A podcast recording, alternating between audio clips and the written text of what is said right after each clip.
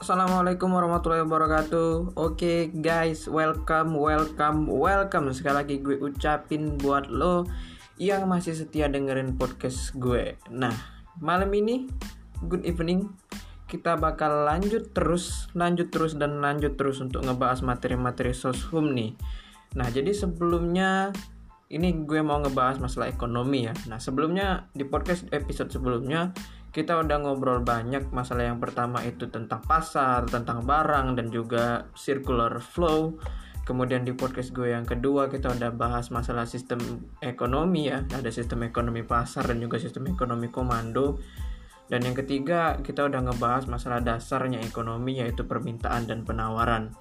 Nah, jadi singkatnya lu udah mungkin memahami bahwa ada permintaan, ada hukum permintaan maksud gue dan juga ada hukum penawaran. Singkatnya hukum permintaan ataupun hukum penawaran, ya tapi gue mau ke permintaan dulu nih. Hukum permintaan itu bunyinya adalah apabila kuantitas bertambah maka harga dan permintaan itu akan menurun. Nah, tapi ada pertanyaan nih, kan nggak mungkin kan kalau semua barang itu di mana harganya permintaan dan harga itu hubungannya seperti apa. Kan ada barang yang misalnya nih kayak pom bensin. Nah kalau pom bensin kan apabila pemerintah nurunin atau naikin harganya kan nggak bahkan terlalu dampak banyak terhadap penawaran eh termasuk juga terhadap permintaan terhadap bensin tersebut di pasar. Atau mungkin kayak listrik nih. Kayak listrik kan nggak pengaruh sama sekali. Misalnya apabila harganya naik lo tetap bayar listrik. Ya kurang lebih gitu kan. Nah jadi di ekonomi, selain kita memahami adanya hukum permintaan, adanya hukum penawaran, ada pula suatu materi ini, materi yang bakal kita bahas sama-sama di malam hari ini yang menentukan seberapa banyak sih turunnya permintaan tersebut. Nah, jadi seberapa banyak penurunan harga dan hubungannya terhadap permintaan itulah yang disebut dengan konsep elastisitas. Nah, jadi elastisitas ini bukan hanya nge-cover tentang permintaan, tapi elastisitas guys juga nge-cover masalah penawaran. Dan elastisitas bukan hanya satu, ya, bukan hanya elastisitas permintaan dan penawaran, itu sering digabung menjadi elastisitas harga. Ada juga jenis-jenis elastisitas yang lain. Yang pertama, yang kedua maksud gue, itu adalah elastisitas silang dan yang ketiga adalah elastisitas pendapatan. Jadi yang pertama ada elastisitas, elastisitas harga, yang kedua silang dan yang ketiga pendapatan. Nah, apa aja sih elastisitas tersebut dan bagaimana cara mencarinya, koefisiennya gimana? Itu bakal kita bahas di episode ini sama-sama guys. Tapi kayak gue ulangin di episode sebelumnya, karena ini adalah pelajaran ekonomi dan juga kita nggak bisa terlalu cover banyak tentang ekonomi ini di podcast audio buatan gue jadi gue sangat rekomendasi buat lo supaya untuk belajar lagi dan baca-baca lagi apabila lo pengen benar-benar memahami masalah-masalah ekonomi, bukan hanya permintaan dan penawaran, bukan hanya elastisitas dan bukan hanya ekonomi sih mungkin, melainkan seluruh yang gue cover di podcast gue akan sangat bagus apabila lu juga mencari sumber uh, istilahnya sumber pengetahuan yang lain ya. Karena kita sama-sama sharing kita sama-sama belajar di sini dan gue juga adalah manusia yang gak luput dari salah. Nah oke okay. sebelum imbang terlalu jauh ya kita bakal langsung bahas aja. Nah yang pertama ada namanya elastisitas harga guys. Elastisitas harga itu terbagi dua. Yang pertama itu untuk elastisitas penawaran dan yang kedua itu elastisitas permintaan. Rumusnya sama Rumus untuk menghitung nilai koefisien elastisitas permintaan dan penawaran itu yang pertama adalah persentase perubahan kuantitas dibagi persentase perubahan harga. Nah, tapi lo harus ingetin bahwa yang dicari itu persentase ya. Misalnya, apabila ada suatu harga barang nih, harga barangnya naik dari 2 menjadi dari 2000 rupiah naik menjadi 4000 rupiah. Nah, itu nggak bisa dimasukin ke rumus koefisien ini tapi lu harus cari dulu persentasenya berapa. Ya kalau contohnya gitu berarti kita tahu bahwa persentase perubahan harganya itu adalah 50% ya. Nah, begitu juga dengan persentase perubahan kuantitas permintaan maupun perubahan kuantitas penawaran. Misalnya, apabila harga dinaikkan, permintaan yang awalnya 100 menurun menjadi 50. Nah, itu juga harus nggak bisa 50 tapi lo harus cari persentasenya yaitu 50% ya. Begitu juga berlaku untuk penawaran dan sebaliknya dan sebaliknya. Nah, jadi berdasarkan rumus tersebut ya, para ekonom atau ahli ekonomi ini membagi lima bentuk elastisitas. Ya, ber, jadi barang itu berdasarkan elastisitasnya dibagi menjadi lima. Yang pertama ada yang namanya barang inelastis sempurna. Barang inelastis sempurna ini adalah yang memiliki elastisitas harganya sama dengan nol, guys. Jadi, ini elastis inelastis sempurna ini ya, inelastis sempurna atau yang hasil nilai hitung koefisiennya sama dengan nol, ini berarti barang ini apabila terjadi perubahan harga, baik dia itu naik atau turun, lebih mahal maupun lebih murah, maka itu nggak berubah sama sekali terhadap permintaan kuantitasnya misalnya nih ya contoh aja mungkin contoh yang paling terdekat adalah listrik ya. Karena walaupun listrik kan itu kebutuhan pokok ya berlaku juga untuk kebutuhan pokok lainnya mungkin beras uh, dan juga kebutuhan pokok yang lain sandang pangan papan apabila terjadi perubahan harga ya karena itu permintaan pokok karena itu barang pokok kita maka kita nggak bakal mengurangi permintaannya sama sekali jadi misalnya dihitung di bulan April nih harganya 5000 kemudian permintaannya 50 Terus di bulan Mei harganya naik jadi ah, mungkin 7000 tapi permintaannya juga tetap 50. Nah, ini dibilang sebagai inelastis sempurna. Karena nggak terjadi perubahan ya, walaupun perubahan kuantitas dan perubahan harganya tidak terjadi perubahan sama sekali di elastisitasnya. Nah, setelah ada inelastis sempurna, yang kedua ada inelastis. Inelastis ini terjadi setelah hasil penghitungan koefisien elastisitas itu kurang dari satu.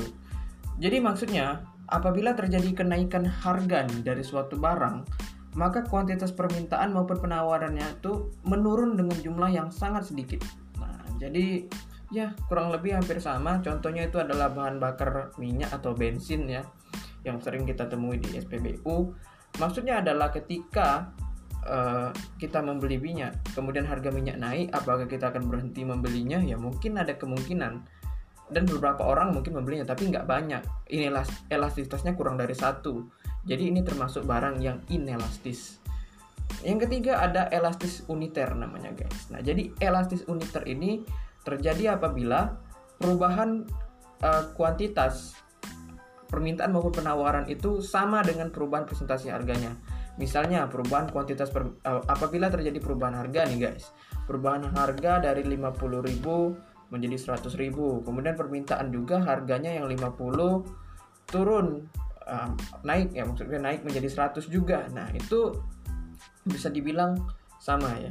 Itu karena persentasenya sama sama-sama 50% jadi itu elastis uniter. Jadi kuantitas yang diminta maupun yang ditawar sama dengan perubahan harganya. Oke jadi sejauh ini sudah ada tiga sifat-sifat elastisitas ya. Sifat-sifat barang berdasarkan elastisitas maksud gue. Yang pertama ada inelastis sempurna di mana hasil hitungnya sama dengan nol yaitu tidak terjadi perubahan sama sekali. Yang kedua ada inelastis. Inelastis itu kurang dari satu hasilnya di mana eh, barang-barang yang inelastis ini menurun ataupun meningkat permintaannya dengan jumlah yang sangat sedikit ya kurang dari satu Nah, yang ketiga ada elastis uniter di mana hasil hitungnya yaitu perubahan persentase perubahan kuantitas permintaan maupun penawaran maksud gue dibagi persentase perubahan harganya itu sama dengan satu. Nah, yang keempat, guys, ada yang namanya elastis. Nah, jadi elastis ini terjadi ketika harga suatu barang naik, nah dan kuantitas permintaan dan penawaran juga menurun dengan jumlah yang cukup banyak. Nah, maksudnya berarti barang tersebut elastis, yaitu terpengaruh dengan harga barangnya. Nah, misalnya ini terjadi ketika kita membeli barang-barang yang banyak substituennya. Misalnya kita membeli jus jeruk, kemudian apabila jus jeruk mahal ya tentu kita akan beralih menjadi beli jus mangga mungkin yang harganya lebih murah. Nah, itu disebut dengan elastis. Berarti barang tersebut elastis artinya hitungannya lebih dari satu atau mungkin apabila terjadi kenaikan harga suatu barang maka kuantitas permintaan maupun penawarannya juga menurun dengan jumlah yang cukup banyak. Nah, yang kelima ini yang disebut dengan elastis sempurna, di mana hasil perubahannya yaitu persentase perubahan kuantitas per persentase perubahan harganya itu yaitu koefisiennya tadi sama dengan infinity atau tidak terbatas. Nah, jadi ini terjadi apabila perubahan harga, uh, perubahan harganya bisa naik maupun turun, bisa menjadi lebih murah maupun lebih mahal, maka tidak terjadi pembelian sama sekali dari konsumen ya. Nah, Kelima elastisitas ini dari yang pertama inelastis sempurna sama dengan 0, kemudian inelastis itu kurang dari satu, ketiga elastis uniter itu sama dengan satu, yaitu keempat elastis yang itu lebih dari satu, dan yang kelima ada elastis sempurna. Ini bisa digambarkan menjadi kurva guys. Apabila ini elastis sempurna, kurvanya itu vertikal sempurna. Jadi kurva permintaan itu vertikal sempurna atau mungkin kalau di penawaran juga vertikal sempurna.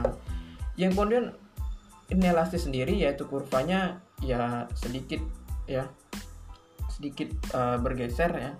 Sedikit bergeser kalau permintaan sudah mulai membentuk untuk kurva permintaan dan penawaran juga begitu.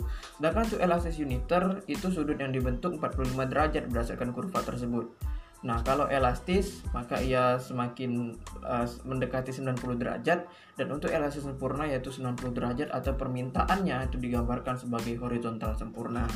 Nah, itulah kelima jenis elastisitas. Tadi di awal gue bilang bahwa bukan hanya elastisitas harga yang dimasukkan ke dalam ekonomi, tapi juga ada elastisitas silang dan juga elastisitas pendapatan. Nah, apa sih perbedaan ketiga ini?